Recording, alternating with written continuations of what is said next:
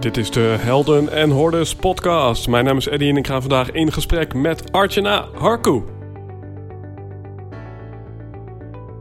In de zomer van 2016 ontdekten we dat we een schakel waren in een netwerk van mensen die wij conscious business founders zijn gaan noemen. Bijzonder gemotiveerde ondernemers die echt voor durven te staan. Ook als dat inhoudt dat ze daar alleen voor staan. Die 200% toewijding willen geven voor 1% groei en zeggen: Dit ben ik en dit is mijn bijdrage aan een meer gebalanceerde wereld. Helaas kon je niet bij al deze gesprekken aanwezig zijn. Daarom hebben we die bijzondere verhalen voor je samengebracht in deze podcast. We wensen je veel luisterplezier, maar belangrijker nog, we hopen dat jij de volgende stap gaat zetten in jouw avontuur.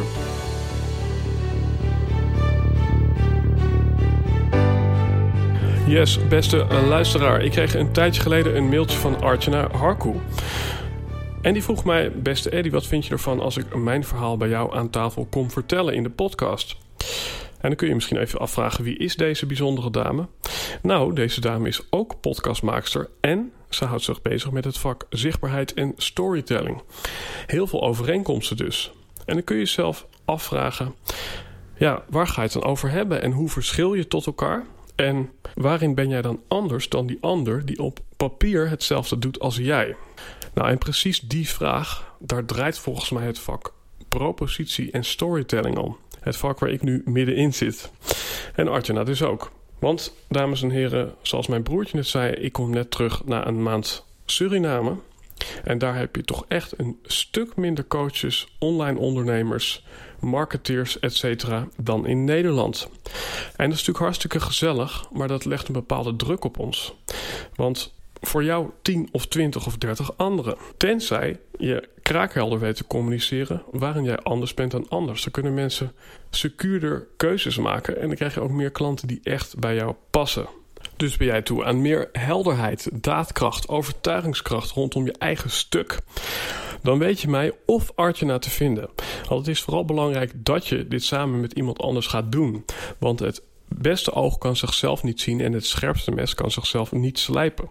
Zelfs ik en waarschijnlijk ook Arjuna hebben een coach of een hulp bij het bevrijden van hun verhaal. Nou, en het is leuk om haar nog eventjes persoonlijk te introduceren. Arjuna Harku is storycoach en zichtbaarheidsexpert en helpt ambitieuze en ondernemende vrouwen zichtbaar te worden vanuit hun ware kern. Daar waar Arjuna in haar jonge jaren al op het podium stond om mee te doen met zangwedstrijden, staat ze nu op het podium om vrouwen te inspireren en te motiveren hun echte verhaal te vertellen.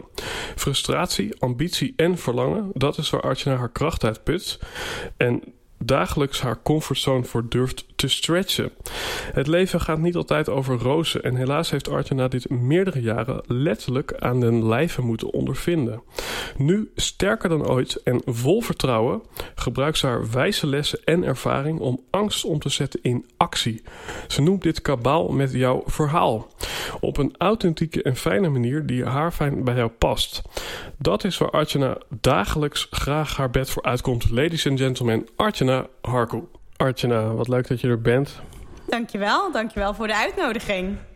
Grappig. ehm, jij hebt mij, geloof ik, eh, met kerst benaderd. Of ik, ik weet nog wel, ik had toen griep, ik lag op bed en ik kreeg jouw mail en ik wist helemaal niet wie je was. Ja, En nu zijn er misschien eh, ook heel veel mensen die wel weten wie je bent. ja en eh, zeker. dat is misschien nog een understatement, want je hebt vrij snel ook met grote namen aan tafel gezeten in jouw podcast. Ja, zeker. Ehm, dus we hebben iets in common en dat is het eh, vak podcasten. Maar we hebben nog iets in common en dat is dat jij mensen helpt met hun zichtbaarheid en hun verhaal. Klopt. Ehm, dus het is heel interessant om dan ja, daar verder op in te gaan. Om te kijken van, hey, zijn daar dan ook verschillen in? En ja, wij helpen misschien mensen ook om juist het verschil voor zichzelf duidelijk te krijgen. Weet je wel, wat jouw uniciteit is ten opzichte van de ander. En als we het dan toch over verhalen hebben... dan is het misschien gewoon meteen met de deur in huis van... hé, hey, eh, wat is jouw verhaal? Ja, wat is mijn verhaal? Ik heb best wel ja, een verhaal die ik met me meedraag. En eh, die ik ook eh, inmiddels ook helemaal geowned heb. En ook daar helemaal oké mee ben. Dus ook oké mee ben om dat te delen. Mhm. Ehm, ja, ik heb best wel een heftig verleden meegemaakt... waar er bijvoorbeeld ja, fysiek en mentaal geweld best wel mhm. vaak plaatsvond. Heb ik ook mee, uh, meegemaakt dat ik uh, ja, in aanraking ben geweest met seksueel misbruik... en al meerdere malen. En dat, dat verhaal droeg ik best wel lang met me mee. Tot op, ja, ik denk nu zeker wel twaalf jaar geleden dat ik eigenlijk mijn man ontmoette. En die ontdekte bij mij dat ik heel veel gedrag vertoonde en heel veel emoties met me meedroeg die niet ja, verwerkt waren. Mhm. En ja, die, die heeft er dus eigenlijk toen doorheen geprikt. Maar eigenlijk ook wel weer heel positief. Want dat was het moment dat ik eigenlijk ook om uh, hulp ben gaan vragen bij de dokter. En vanuit de dokter bij psychologen terecht kwam. En vanuit dat punt, dus eigenlijk mijn hele ondernemers... Ja, eigenlijk mijn persoonlijke reis, dat vooral. Mijn persoonlijke ontwikkelingsreis, dat, uh, ja, dat op dat punt is gestart. En dat is eigenlijk twaalf jaar geleden ja, ontstaan door alles wat ik daarvoor met me meedroeg. Hmm. En dat is het eigenlijk in een notendop. Ja, en, en nu klinkt dat natuurlijk als een, uh, ja, een, een, kwetsbaar en misschien wel vervelend of uh, heel vervelend uh, verhaal. Mm -hmm. Maar is er ook iets waardoor dit nu in je voordeel werkt? Dat zeker zo. Doordat ik natuurlijk ja, me kwetsbaar heb opgesteld. Meerdere malen. Maar ook echt het verhaal wat ik met me meer meedroeg. Mm -hmm heb ik bijvoorbeeld nu ook al ja, wat vrouwen kunnen helpen... die ook echt een soortgelijke verhaal met zich meedragen of meedroegen. En ja, die ik daarmee heb kunnen helpen. Waardoor ze dus nu ook doordat ze deze stukken van hun durven te laten zien... maar ook gewoon oké zijn met hunzelf... daar dus ook echt een business mee gebouwd hebben. Of daar dus echt gewoon andere mensen mm mee helpen. En dat, dat heeft dus echt gewoon um, ja, voor positiviteit gezorgd. Maar ook dat, dat ik echt heb ontdekt door echt gewoon oké te zijn met wat er gebeurd is. Dat ik, ja, dat ik denk, ja, als dat allemaal niet gebeurd was... dan had ik niet zo'n drive ontwikkeld om mezelf continu uit te dagen... of continu te willen groeien of continu te streven naar een betere versie van mezelf. En ik denk dat dat wel echt het positieve aan alles is geweest... wat ik uh, heb meegemaakt. Mhm. Ja. Ja, want dat misbruik, hoe verhoudt zich dat tot... Uh, ja, misschien jezelf niet durven te laten zien? Want het is toch niet, want ja, dat is misschien ook een cliché, maar het is toch niet jouw schuld wat er gebeurd is. Dus waarom zou jij jezelf niet mogen laten zien? En waarom hebben vrouwen dan last om, ja, om, om, om een verhaal te delen of om, om zichzelf zichtbaar te maken? Bedoel je op dat vlak toen, uh, toen dat op dat moment plaatsvond? Of toen ik nog wat jonger was? Bedoel je dat? Nou ja, dat eigenlijk uh, uh, het leven na die gebeurtenis mm -hmm. of gebeurtenissen. Ja. Um, wat heeft dat gedaan met dat jij jezelf nog makkelijk durft te laten zien? Um, ja, wat ervoor gezorgd heeft dat ik me daarna meer ben laten zien, dat bedoel je? Ja. Dus ja, er is dus eigenlijk een hele weg aan vooraf gegaan. Ik denk dat het stuk, uh, ja, het stuk vertrouwen of het vertrouwen in jezelf, geloof mm -hmm. hebben in jezelf, dat dat echt een hele lange journey is geweest voor mezelf. Maar ook het vertrouwen hebben in anderen en mm -hmm. geloof hebben in anderen. Um, dat ik daarin ook echt mijn weg ben gaan vinden en ben gaan ontdekken dat er niet alleen maar negativiteit op deze wereld is, maar ook positiviteit. En daar is dus mijn man een, ja, een hele belangrijke onderdeel van geweest. En dat is hij nog steeds. Mm -hmm. Maar ook zijn hele familie. Dat, dat heb ik dus echt als ja, een ja, positiviteit. Mm -hmm. Ja, positiviteitsfamilie uh, ervaren. Terwijl ik daar niet per se mee opgegroeid ben. Dus ik denk op dat vlak uh, sowieso dat mijn man... die zag mijn kwaliteiten voordat ik dat zelf zag. Hij mm -hmm. zag dat in mij terwijl ik dat niet ja, zelf ja. zag. En ik denk dat dat ook wel de kunst is... Um, ja, sowieso voor een coach of voor een, een persoon die andere mensen helpt... om van tevoren al gewoon in te kunnen zien wat iemand echt in potentie heeft. En waar iemand toe echt in staat, ja, staat is. En doordat anderen dat in mij begonnen te zien, ben ik daardoor wel veel meer gaan opbloeien. En ben ik mezelf dus ook veel meer laten zien, omdat mhm. anderen dat ook continu tegen me ja, echt bleven zeggen. Ja. En daardoor ook echt een hele groei in de afgelopen jaren heb meegemaakt. Ja, dus die gebeurtenissen, ook al, ook al was dat helemaal niet jouw schuld, nee. die hebben ervoor gezorgd dat je toch dacht van nou misschien ben ik niet goed, of ik kan mezelf niet goed verweren, of ik ben minder waard. En daaruit komt misschien die overtuiging van ik mag niet zichtbaar zijn, of ja, wat, wat ben ik nou ja, eigenlijk? Klopt. Maar ik denk ook dat het voornamelijk ook is geweest door, ja, door cultuur. Ik ben Hindustaans opgegroeid en mm in de Hindustaanse cultuur ja, hebben vrouwen toch wel een hele andere, ja, staan niet zo gelijk als de man. En mhm. ja, zijn vrouwen toch wel minder waardig. En um, ja, helemaal als je kind bent en mhm. Vrouw en kind. Um, dat je niet in het gezelschap van ouderen bijvoorbeeld je mond opentrekt. Of ja, weet je, dat soort overtuigingen. En daarmee ben ik dus echt ook opgegroeid. Waardoor ik best wel... Ja toen ik ja, gewoon wat ouder werd, ook gewoon dat soort gedrag met me meedroeg. Dus ook heel veel dingen niet durfde. Mhm. En ook heel vaak over dingen nadacht voordat, ik, uh, ja, voordat ik ook iets zei. En dat nam ik dus ook op heel veel vlakken in mijn leven. Ja, sowieso echt op heel veel vlakken in mijn leven nam ik dat mee. Dus bijvoorbeeld in, uh, ja, in meetings, op werk durfde ik mijn mond nooit open te trekken. Maar ook ja, duurde het ook best wel lang in vriendschap. Als ik dan bijvoorbeeld met vrienden was, dat ik mhm. liever ook luisterde dan dingen vertelde. En ja, dat, dat heeft dus, dus ook weer op een gegeven moment ontwikkeld in dat podcasten. Want dan hoef ik heel vaak alleen maar te vragen en te luisteren en te vragen. Maar ja, ik hoef zelf niet heel veel te vertellen of te zeggen. Nee, wat ik mooi vind, ik denk altijd in een soort van uh, woordkunst. En nu wat er bij mij opkomt voor jou is... om zichtbaar te worden, heb je iemand nodig die je ziet. Ja. En dat is feitelijk jouw partner geweest. Die, die, die, zag iets waardoor jij zichtbaar kon worden. En uh, ja, zolang jij jezelf niet ziet, ben je als het ware onzichtbaar. Klopt, uh, ja. Uh, totdat iemand jou op, opmerkt en dan denk je, hey, ik besta en ik mag er zijn. Je mag er zijn, ja. En dan kan ik me ook voorstellen dat, dat het natuurlijk heel fijn is. Hè, want jouw partner is dus niet alleen, als ik het zo mag zeggen, misschien een stukje psycholoog of coach voor je geweest. Maar het is daarnaast ook, zoals ik weet, een ondernemer. Ja. En dan vraag ik me af, ehm, want ieder voordeel heeft zijn nadeel, zegt Kruif. Is het niet af en toe ook lastig dat, dat jouw vriend jou zo goed doorheeft en dat jullie nu allebei zo ver zijn in jullie ontwikkeling? Want er wordt wel eens gezegd, ja, je partner moet niet je psycholoog zijn hoor. Oh, zo, ja, ja. Nee, um, ik denk dat op dat vlak, ja, we, we delen natuurlijk wel heel veel dingen. We zijn ook heel open in onze mhm. relatie. Dus ook ja, ik vertel ook eigenlijk, ik ben eigenlijk open boek gewoon thuis en hij mhm. ook. Maar wat ik wel merk, en um, ja, het is niet dat ik altijd bijvoorbeeld advies van hem altijd aanneem. Het is wel dat we over dingen kunnen, mm over dingen kunnen hebben. En hetzelfde doe ik ook eigenlijk bij hem. Als ik dingen um, zie wat mij opvalt, dan zeg ik dat tegen hem. Maar we hebben ook mhm. los daarvan, hebben we allebei een business coach bijvoorbeeld.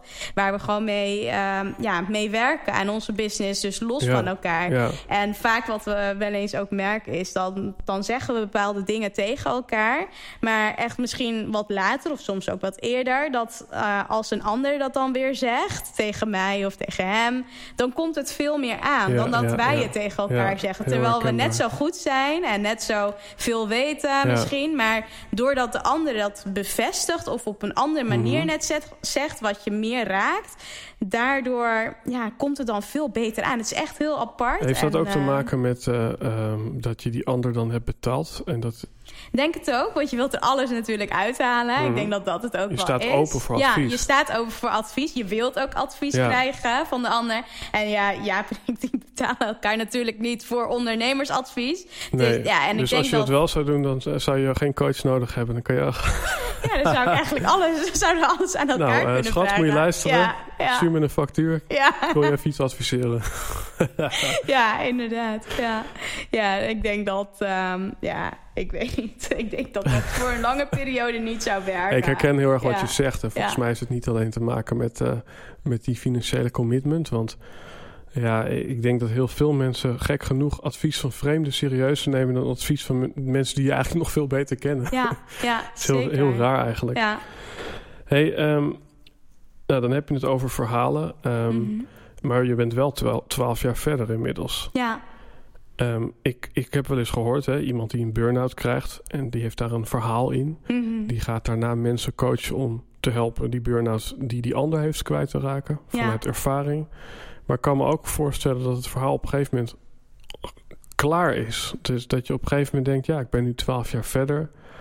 Eh, ik heb dat verhaal niet meer nodig. Of dat verhaal is verleden tijd. Ja. Is, is, is, is het verhaal eh, al los van, van jou? Als persoon bedoel je dat? Ja, dus, dus, dus, dus eh, gebruik je het verhaal eh, nog om, om bijvoorbeeld eh, mensen te inspireren? Of ehm, gebruik je het als soort van excuus of legitimering naar jezelf van zie je wel, daardoor ben ik nu zichtbaarheidscoach?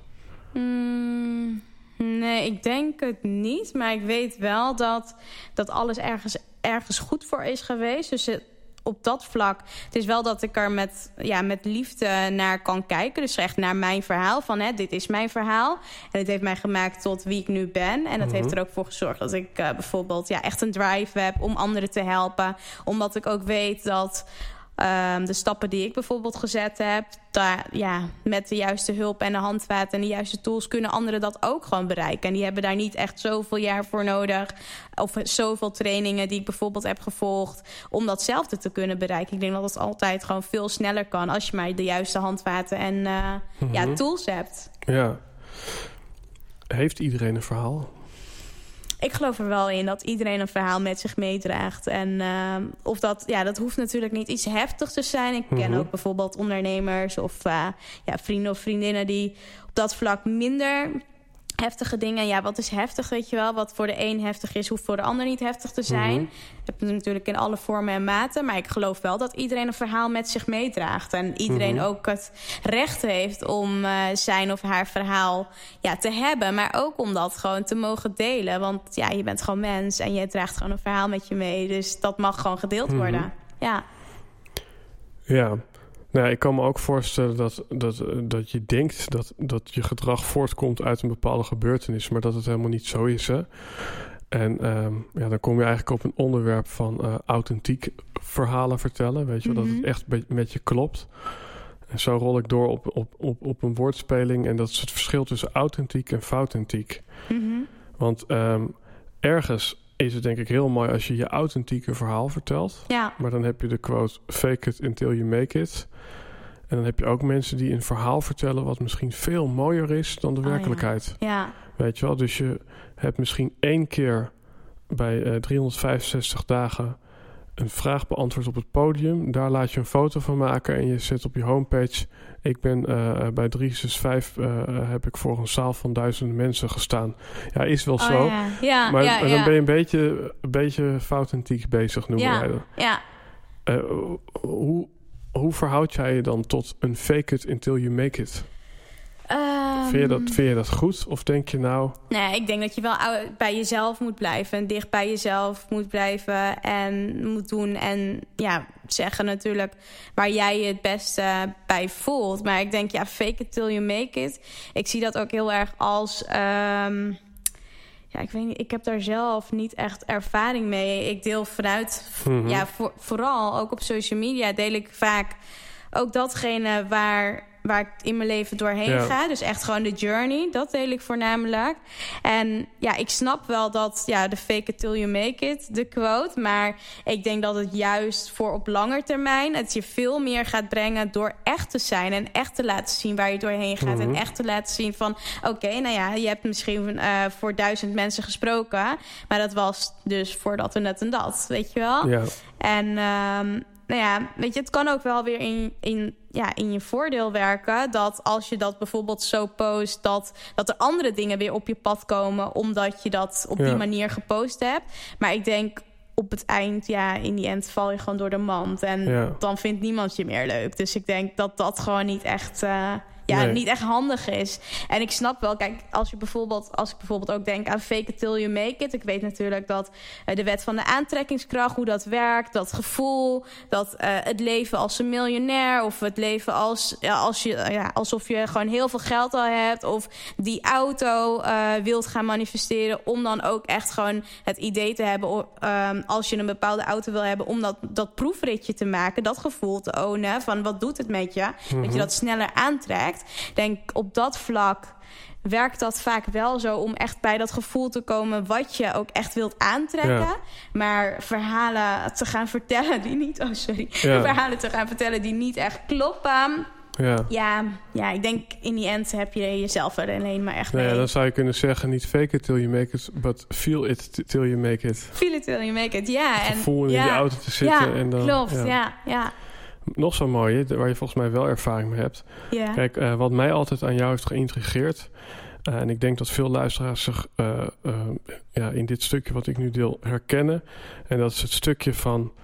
ehm, ja, ik moet nog dit doen of ik moet nog dat doen... voordat ik die of die mag benaderen. Voordat ja. ik voor die mag werken. Voordat ik mijn prijs mag verhogen enzovoort. Nu kwam je al vrij snel in, eh, in podcastland met... Nou ja, mij benaderen ja. kan je zeggen van eh, ik, ik was misschien ook nog niet zo'n hele grote speler. Maar eh, al vrij snel zat je met Nienke van der Lek, zelfs eh, vo- voor op het podium bij Eelco de Boer. ja. En je hebt Thijs Lindhout gesproken. Dus je had al snel, al snel zeg maar, de, de toppers had je Ja. zeg maar aan tafel. Eh, behalve de topper zelf, maar dat is een flauw woordgrapje. Ehm, en, en ja, dan, dan, dan zeg jij zelf start before you're ready. Klopt. En dan ja. vraag ik me af, eh, hoe doe je dat? Ja, hoe doe je dat? Ik denk dat het sowieso wel goed is om te weten. Vaak zien mensen natuurlijk ehm, het punt waar je nu staat. En helemaal als je je daarvoor nog niet kennen of eh, hebben leren kennen. ehm, dat dit natuurlijk de werkelijkheid is van eh, de mensen die jou natuurlijk nu zien. En wat ik ook al net volgens mij in het voorgesprek... of eigenlijk tussen, tussen onze podcasten door vertelde... ehm, volgens mij aan Jur zei ik dat... van ja, weet je, ik heb hiervoor... en dat vergeten mensen vaak... ik heb hiervoor een bedrijf gehad samen met jou... Ja. waarbij we mensen hielpen op gebied van gezondheid... persoonlijke ontwikkeling en extra inkomen. Ik heb voor meer dan honderden mensen trainingen gegeven... en wekelijks, of eigenlijk maandelijks waren dat... De, ja, de grotere trainingen. Dus ik heb dat soort trainingen gegeven. Ik heb coaching gegeven. Ik, eh, ik vloog ja, eigenlijk over de hele wereld om naar bijvoorbeeld ehm, events te gaan waar Tony Robbins bijvoorbeeld keynote speaker was. Dus ik omringde me best wel veel in, ehm, ja, in een wereld. eh, wat natuurlijk hier in Nederland natuurlijk ja, de bekende namen als Ilke de Boer, Simone Levy, Thijs Lindhout. Ehm, daar, ja, daar waar ik dus netwerkmarketing de afgelopen jaren deed, zat ik ook al in een wereldje bijvoorbeeld waar ik bijvoorbeeld heel veel eh, seminars gevolgd heb van een ja. Tony Robbins, Mhm. Richard Branson, eh, Eric Rory, eh, waar bijvoorbeeld een gastspreker Pitbull was. Ja. En daar dan en ja, echt gewoon bekende Ja. in dat wereldje. Daar liep ik bijvoorbeeld ook naartoe. Of daar in, ja, eigenlijk in tijdens VIP.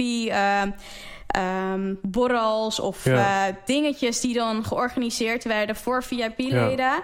Eh, daar sprak ik ook mensen al aan. En dan is het voor mij, voor mij is het niet echt van de een op de andere dag gekomen dat ik bijvoorbeeld een Ilko de Boer op hem afstapte.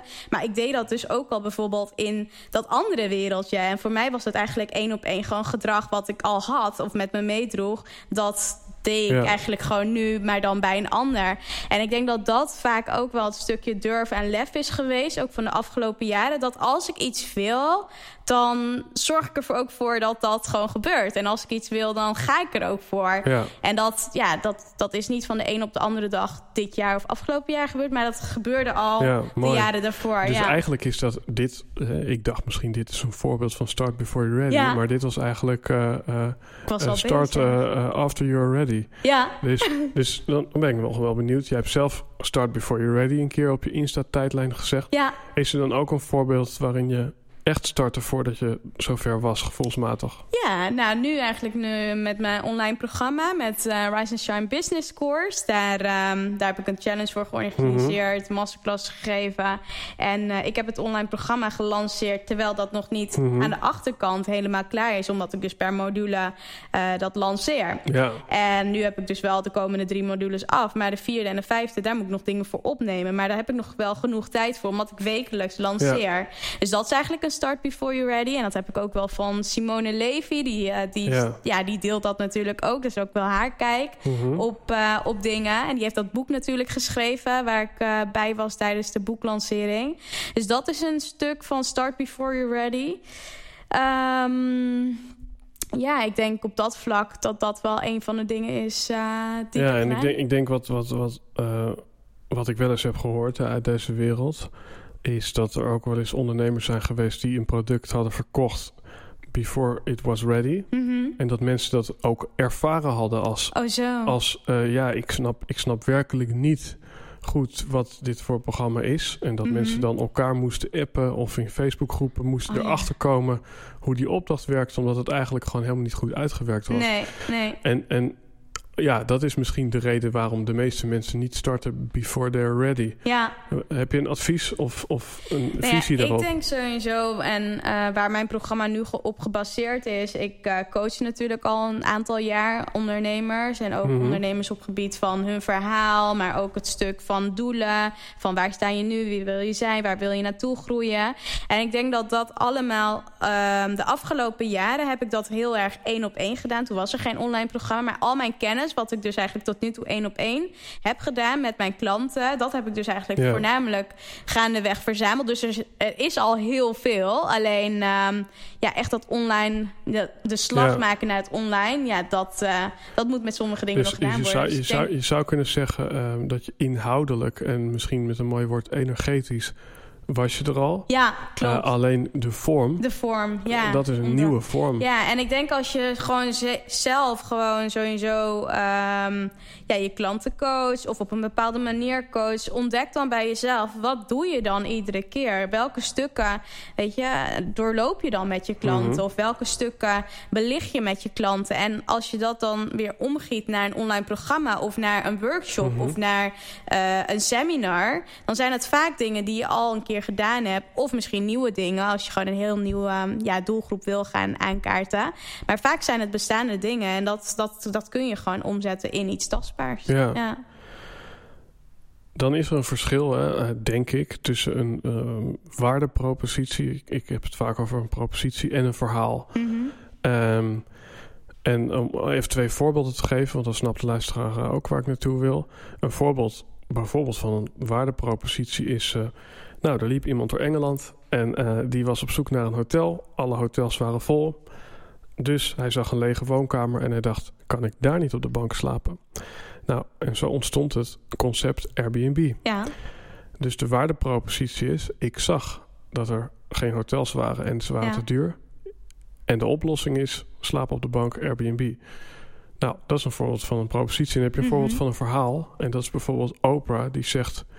als kind werd ik zelfs eh, in, ik geloof in de communicatieopleiding... of ja, daar, werd- daar werd ik slecht op beoordeeld... En nu ben ik de greatest communicator on earth. Ik ben de Ja. belangrijkste vrouw in interviewland. ja.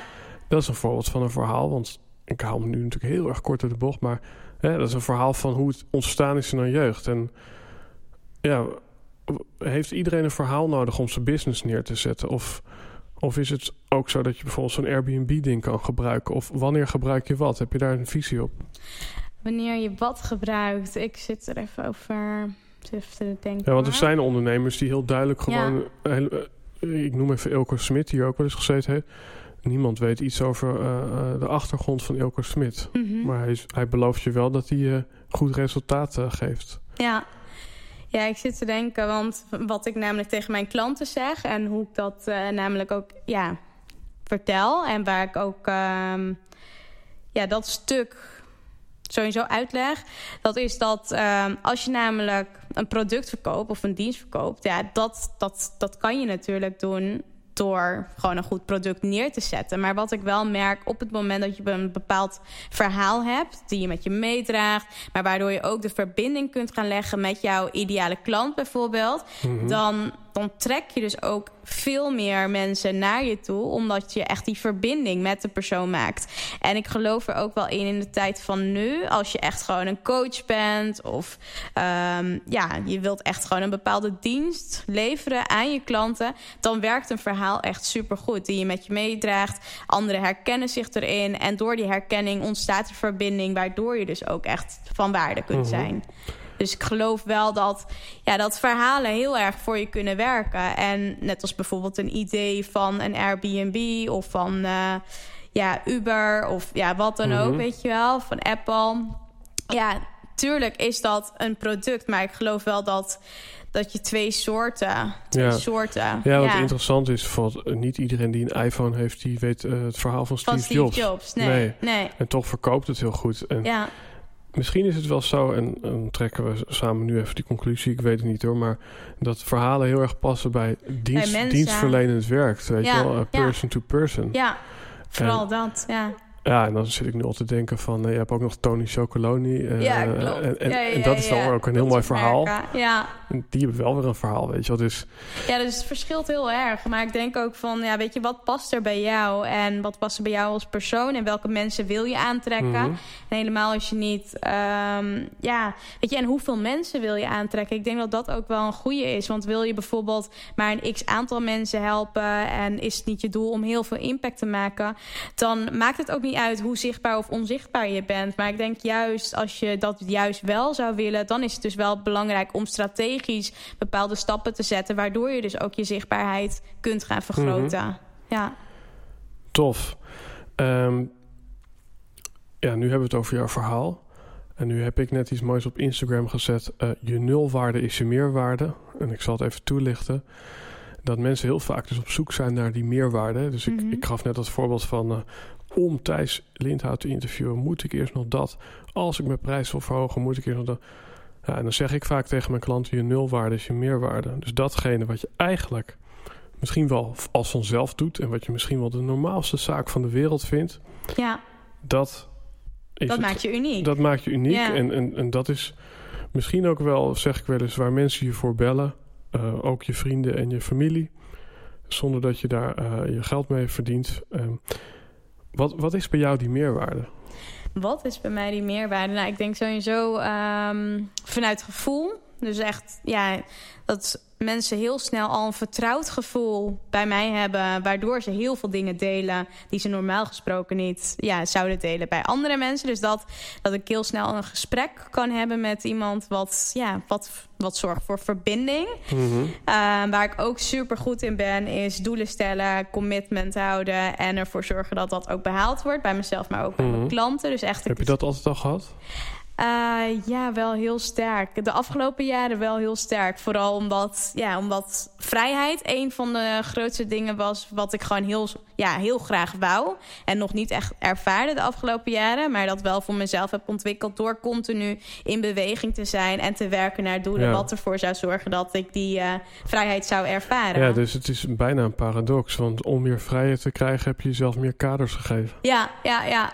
Maar dat heeft er wel voor gezorgd dat ik nu wel echt datgene kan doen uh, wat ik leuk vind. En ik denk dat zonder die kaders had ik niet dit punt bereikt wat ik nu heb bereikt. Mm -hmm. Ja om echt te doen wat ik echt leuk vind. En ik denk dat via een andere omweg was ik er ook wel gekomen. Of misschien niet zo snel of niet zo hard gegaan als de afgelopen periode. Maar Heb je een voorbeeld van die kaders? Is dat bijvoorbeeld dat je niet mag drinken op vrijdagavond? Oh nee, nee, nee, nee dat niet. als ik zin heb om een drankje te drinken, dan uh, drink ik een drankje. Maar ik denk wel dat ik wel uh, bijvoorbeeld de afgelopen jaren veel meer heb geïnvesteerd in mezelf. Waardoor ik bijvoorbeeld uh, minder naar feestjes op een gegeven moment ging. Dat bijvoorbeeld. Of naar, mhm. minder naar festivals festivals. Omdat ik gewoon scherp wou zijn op maandag of dinsdag. Of na het mhm. weekend. En ehm, ja, wat heb ik me misschien opgelegd? Nou ja, dat ik wel wel eens sowieso denk dat als ik te ongezond eet, een hele periode, dat ik dan weer het in balans wil krijgen. Dus dan drastisch mhm. bijvoorbeeld mijn suikers ga schrappen, bijvoorbeeld dat. Of uh, drastisch zeg, nou, nu dan even geen koolhydraten meer. Of ja. ja. Dus dat, uh, dat zijn wel een beetje kaders. Maar ja. uh, dat zorgt er wel voor dat ik gewoon scherp blijf en uh, ja, weet wat ik wil. Mm -hmm. En wat wil je? Wat ik wil. Nou ja, het belangrijkste, en dat heb ik nu al. En dat is gewoon gelukkig zijn met mm -hmm. wie ik ben en wat ik doe. En, is het dan niet, ja. als je zegt van ik ben nu al gelukkig, is het dan niet. Ja, de, ontstaat er ook niet een soort gemak of luiheid? Want je hebt nog steeds blijkbaar veel ambitie en je stelt nog steeds doelen en je geeft jezelf kaders. Maar waarvanuit? Kijk, ik kan me voorstellen, stel je hebt honger, je hebt geen, je hebt geen geld, je bent misschien ziek. Mm -hmm. Dan is het heel duidelijk van mijn doel is beter zijn. Weet je, als ze ja. zeggen, ja. een gezond mens heeft duizend doelen, of een ongezond mens heeft er maar één, en dat is beter worden. En dan kan je dan heel makkelijk aanhouden. Ja. Zeker. Wat zorgt ervoor dat, dat, jij toch genoeg urgentie voelt om door te knokken? Ja, wat ik sowieso um, de afgelopen jaren heel sterk heb gevoeld... en ik weet niet of je dat voorbij hebt zien komen... maar 8 maart had ik bijvoorbeeld mijn eerste benefit-event georganiseerd... voor de stichting Free Girl. En de afgelopen jaren, omdat ik gewoon heel veel affiniteit heb... met uh, ja, meisjes die dus vastzitten in prostitutie... dat ik altijd in mijn hoofd had van... nou ja, weet je, als alles gewoon helemaal goed staat... nou ja, wanneer staat alles nou goed? Mm -hmm. uh, dan wil ik een eigen stichting hebben... of wil ik gaan investeren in projecten... in arme ontwikkelingslanden waar ik mij meisjes die gewoon eigenlijk een tweede kans verdienen, een tweede kans krijgen door scholing, door gewoon ja, goede thuis. Mm -hmm. En um, nou ja, op een gegeven moment was ik dus bij dat benefit-event van Thijs afgelopen december. En toen dacht ik, ja, maar waarom ga ik niet nu al iets organiseren... waardoor mm -hmm. ik nu al impact maak? En dat is dus wel altijd wat ik met me meedraag. Van, oh ja, met dat grotere doel. Ik wil gewoon dat ook gewoon kunnen teruggeven aan de mm -hmm. wereld. En dat heb ik dus nu gedaan door afgelopen keer dat event te organiseren... en al dat geld te doneren aan Free Girl. Mm -hmm. En dat is wel echt wat mij aanhoudt. En dat ik gewoon ja, heel sterk voor ogen zie. Nu leven mijn man en ik hier natuurlijk in, uh, in Nederland. Maar we hebben ook gewoon dromen om op een gegeven moment naar het buitenland te gaan verhuizen. En vanuit het buitenland te werken. En waar zou je naartoe ja, willen? Waar ik naartoe zou willen. Nee, we hebben allebei voor ogen Bali en, uh, of Ibiza. Een van de twee. Mm -hmm. Dat trekt ons allebei wel aan. En Bali, dat, uh, dat zegt mijn man eigenlijk al de afgelopen jaren best wel vaak. Maar we weten dat als je natuurlijk Nederlands bent, dat, dat je ja, wat lastiger een huis daar kunt kopen. Dus daar, daar ja, af en toe poppen wel wat dingen door. Of dan horen we van vrienden dat, uh, dat er allemaal manieren zijn om wel daar bijvoorbeeld een huis te huren mm -hmm. of te kopen. Dus daar, ja, dat, dat blijft wel borrelen. Maar ik denk dat is ook een droom. En kunnen reizen tegelijkertijd uh, dat je gewoon aan het werk bent. Dat, dat, mm -hmm. dat vind ik ook heel cool voor, uh, ja, gewoon, ja, om dat te kunnen doen, die vrijheid te ervaren. Dus dat is wel wat mij, ja, sowieso mijn vuurtje aan, uh, aanhoudt. En ja, sowieso ook echt de transformatie die ik bij mijn klanten zie. Ik denk dat dat het tofste is. Om gewoon echt te ervaren met op welk punt iemand begon. En als ze dan een, een tijdje gewoon met je... Ja, meevaren eigenlijk in de journey... of jij eigenlijk meevaart in de journey mm -hmm. van je klant...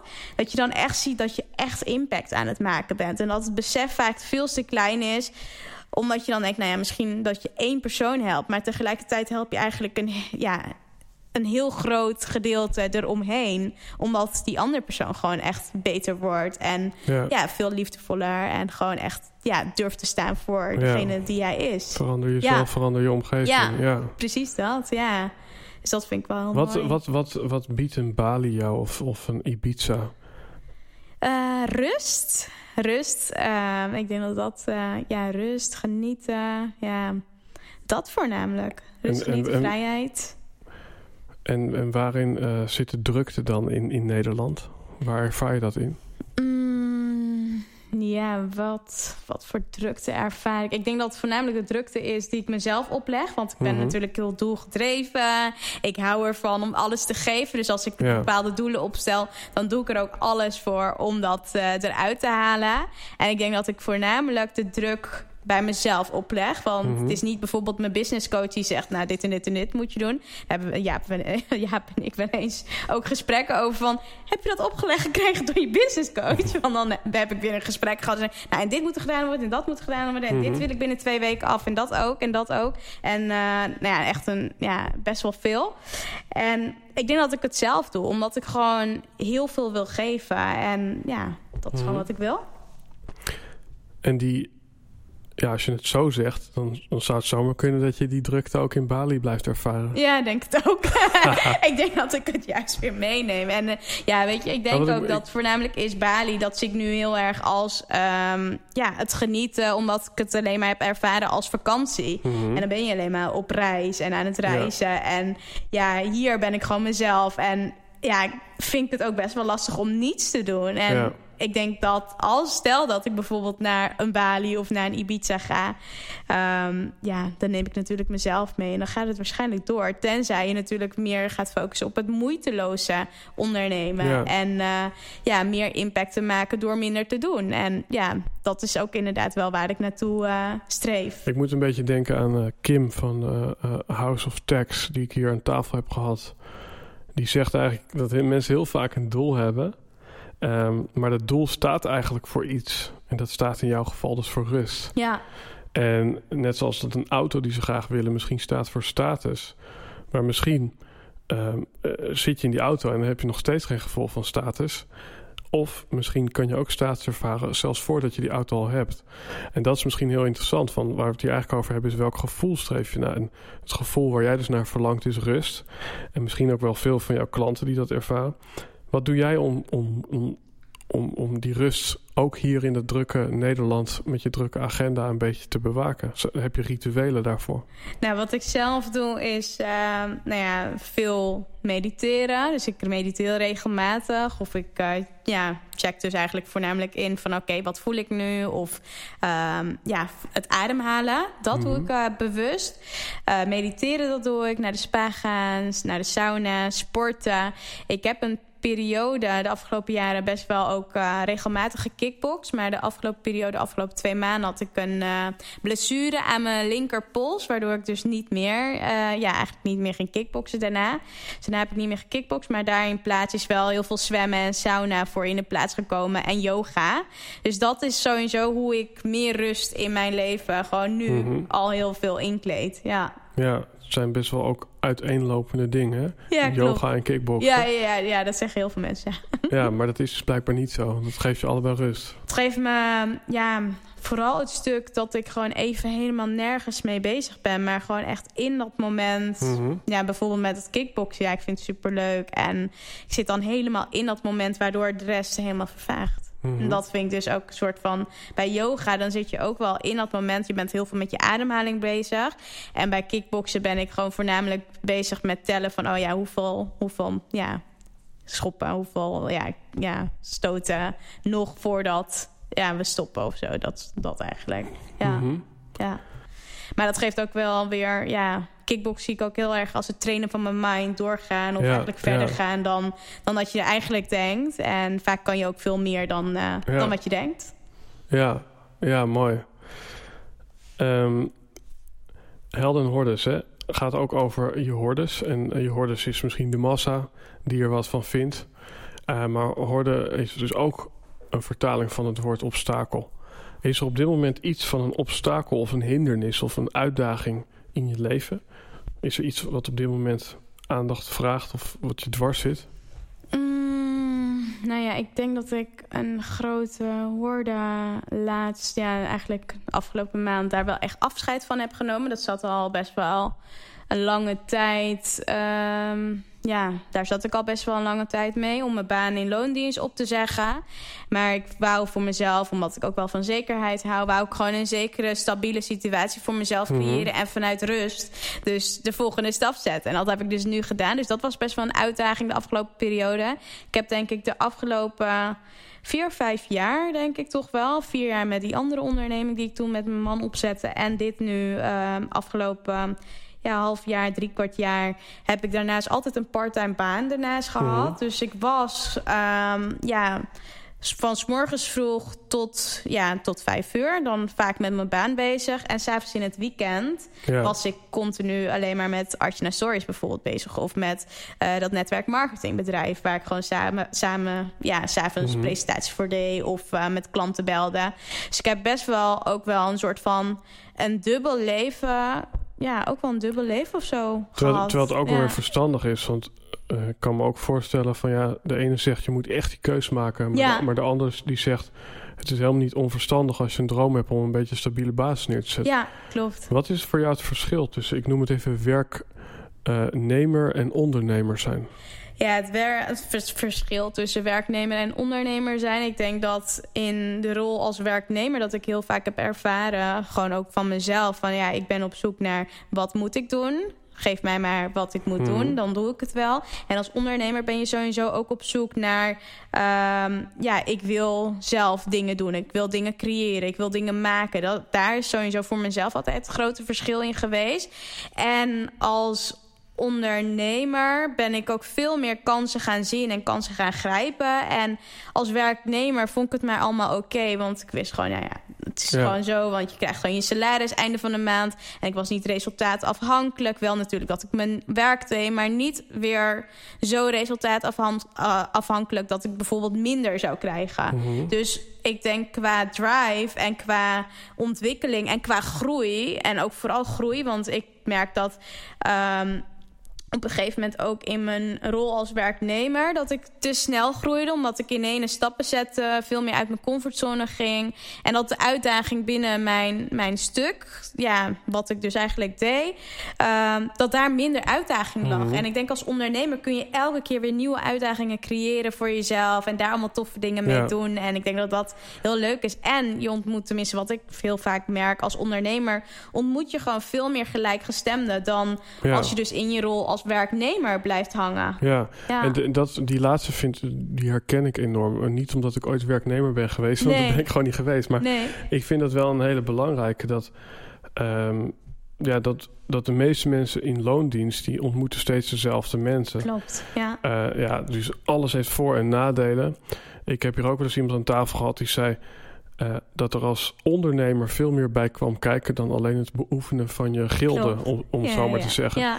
En dat, en dat vind ik ook wel interessant. Wat is er voor jou allemaal bij komen kijken? Wat eigenlijk los stond van je core business. En dat is namelijk mensen helpen met zichtbaarheid. Ja, mensen helpen met zichtbaarheid. Wat er bij los is komen kijken. Nou ja, ik heb zelf, ik denk dat dat wel ja, ook wel goed is om te zeggen. Ik heb zelf een achtergrond in uh, ja, financial service management, dus mhm. bedrijfseconomie. Dus ik weet heel veel van dat financiële stuk. Maar op een gegeven moment merkte ik dat dat gewoon niet mijn ding was.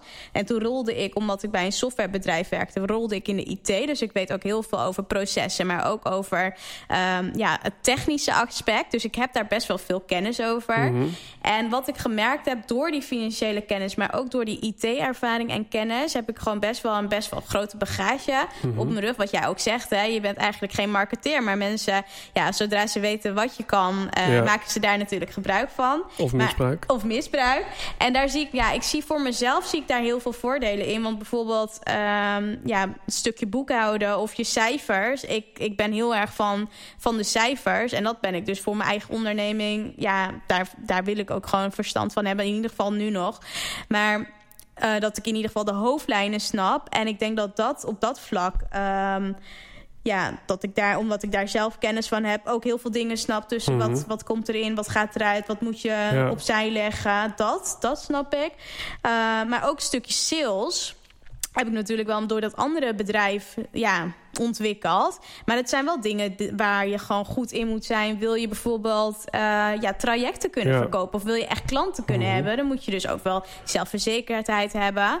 Uh, en gewoon weten wat je kan... waardoor je dus ook gewoon je verkoopgesprekken... gewoon goed kunt uitvoeren. Dus ik denk het stukje sales, ja, dat komt natuurlijk bij kijken. Uh, het connecten met mensen, dat is ook natuurlijk mhm. wel weer iets ja, iets wat los staat van zichtbaarheid. Je moet natuurlijk wel, ja, ik ben best wel, ook wel denk ik, ja, ik weet niet echt of ik introvert of extravert ben. Ja, ik heb eigenlijk heel, ja, ik laat eigenlijk alleen het beste op.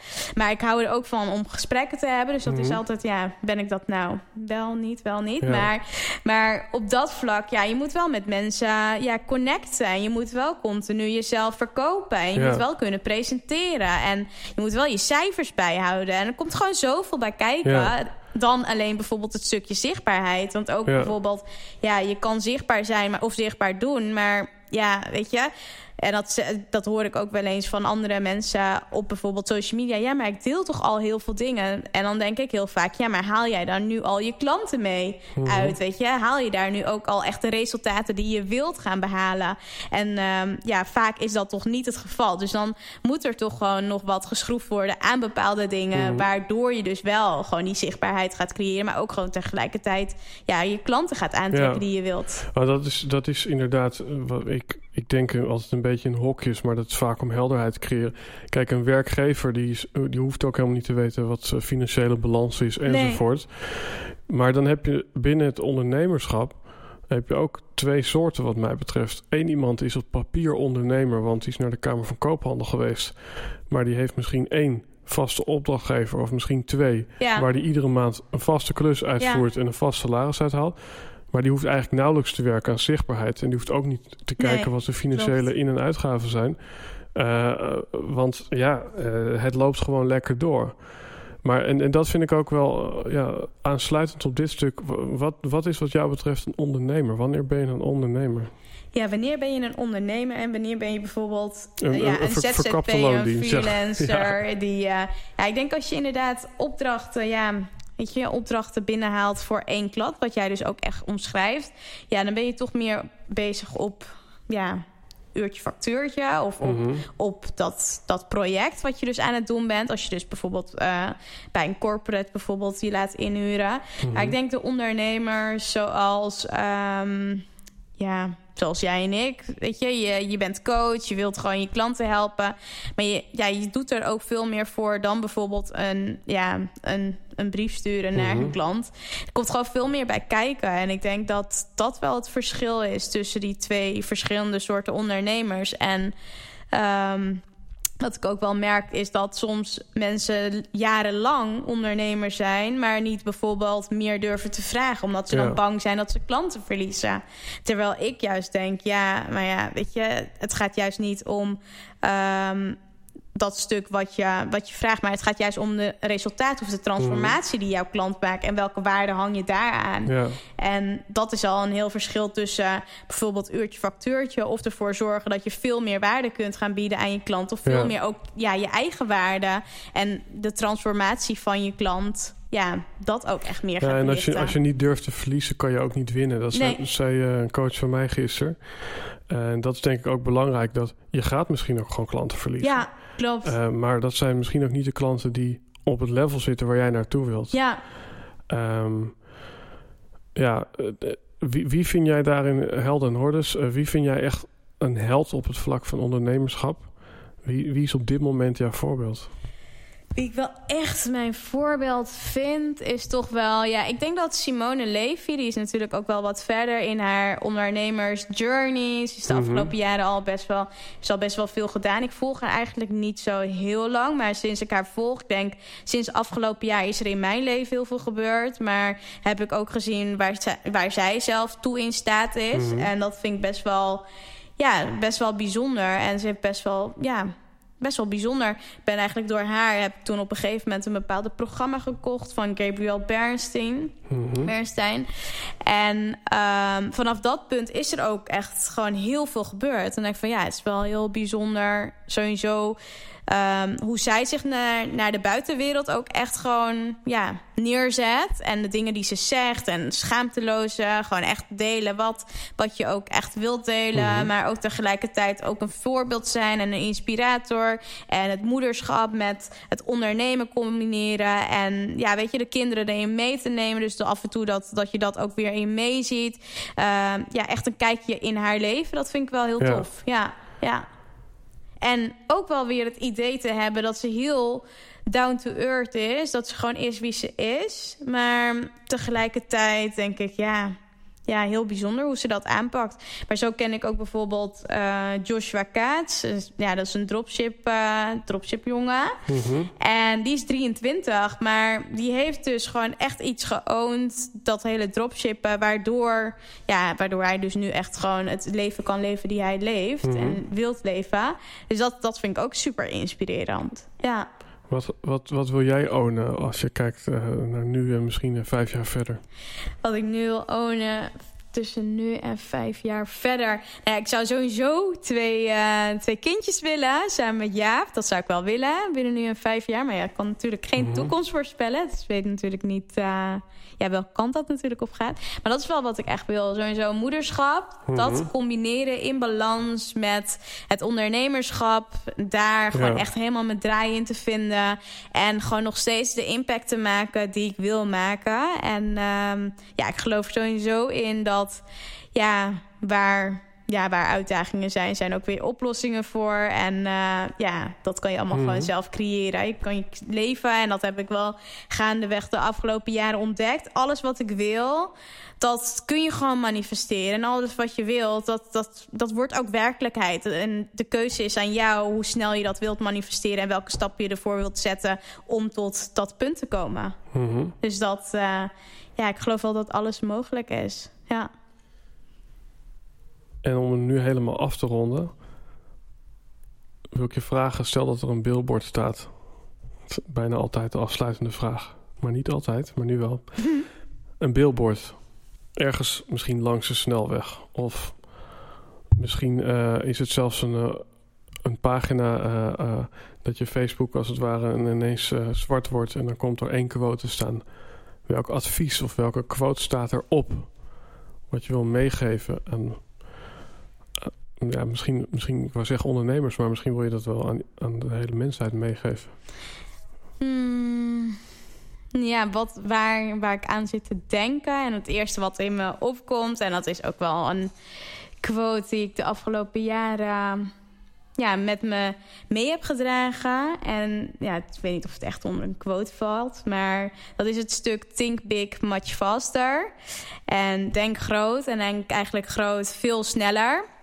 En dat gaat ervoor zorgen dat je gewoon veel sneller grotere stappen mhm. kunt gaan zetten. En wat ervoor gaat zorgen dat, uh, dat je veel sneller gewoon ook echt bij datgene komt wat je gewoon wilt bereiken. En ik denk dat dat wel ja. uh, mooi is. Ja, ja en, en dat, uh, dat, dat, dat klopt ook wel met wat ik van jou krijg. Want nou ja, ik, totdat ik zeg maar de echte bevestiging heb, ga ik nog geen namen daarin noemen. Maar ja, ik heb net ook in, uh, in jouw podcast heb ik medegedeeld dat er een bijzondere gast met mij een event gaat doen. En ja, ik heb zelf dan ook van, nou ja, ik moet eerst die gehad hebben en die en ik moet dat kunnen voordat ik deze persoon vraag. En dan kijk ik naar jou en ik denk, nou ja, jij vraagt volgens mij aan de lopende band gewoon al die mensen. En ja. Dus, dus, dus die snelheid, die, die, die kun je gewoon uh, manifesteren. Het is, ja, het is vaak als je het dan toch over verhalen hebt, zit er een verhaal tussen jou en je actie, ja. wat je misschien niet zo goed ondersteunt Klopt. of niet zo goed dient. Ja. Dus uh, dat, dat, dat krijg ik van je. Ik uh, zal dat proberen uh, ook meer te gaan implementeren in mijn stuk.